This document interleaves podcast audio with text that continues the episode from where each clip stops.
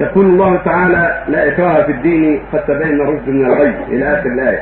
وقال الأنصار بايعنا الرسول صلى الله عليه وسلم على السمع والطاعة في المنشط والمكره. كيف نوفق بين الإكراه في الحالتين؟ ما ما بينهم اختلاف. بايع الرسول صلى الله عليه وسلم على السمع والطاعة في كل أمورهم في منشطهم ومكرههم وعسرهم ويسرهم أن يطيع يسمعوا ويطيعوا وهم معنى في الإكراه.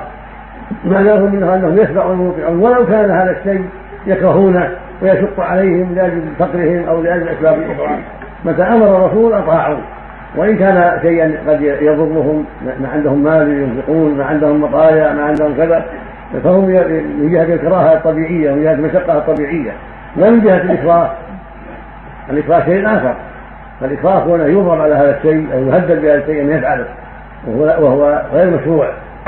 هذا هو هو الاكراه اما كونه ولي الأمر في منشطه وفي مكرهه وفي عسره ويسره طاعة لله ومحبة لشرع الله مشكور. ولو اطاعه وهو على يمشي على رجليه في الجهاد مشكور بهذا لأنه يريد فضل الله وثوابه سبحانه وتعالى. ومعنى لا إكراه في الدين فسر المعنيين احدى أحدهما أن هذا كان قبل الجهاد. فالناس لا يكرهون من دخل في الإسلام قبل ومن أبى لا يقاتل. هذا أول أمر. ثم شرع الله الجهاد. للمسلمين فمن دخل في الإسلام وإلا جوهد وقتل حتى يدخل في الإسلام أو يؤدي الجزية كان من أهلها. هذا قول. والقول الثاني معناها لا يكره في الدين بالنسبة إلى أهل الجزية من اليهود والنصارى والمجوس. لا, لا يكره عليهم بل يلزمون بالإسلام أو بالجزية.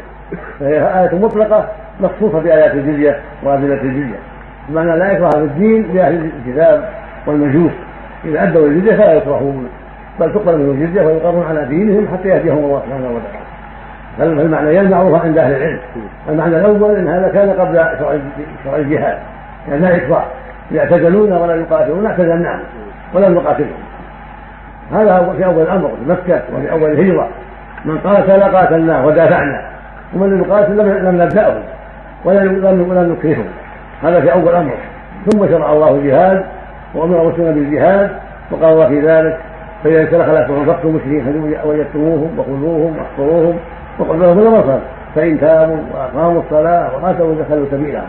هذا آخر الأمر. ومنا بالجهاد وألا نتركهم حتى يدخلوا في دين الله. إلا من يؤدي الجزية فإذا بذل الجزية وأعطى الجزية يد قبلناها منه نعم.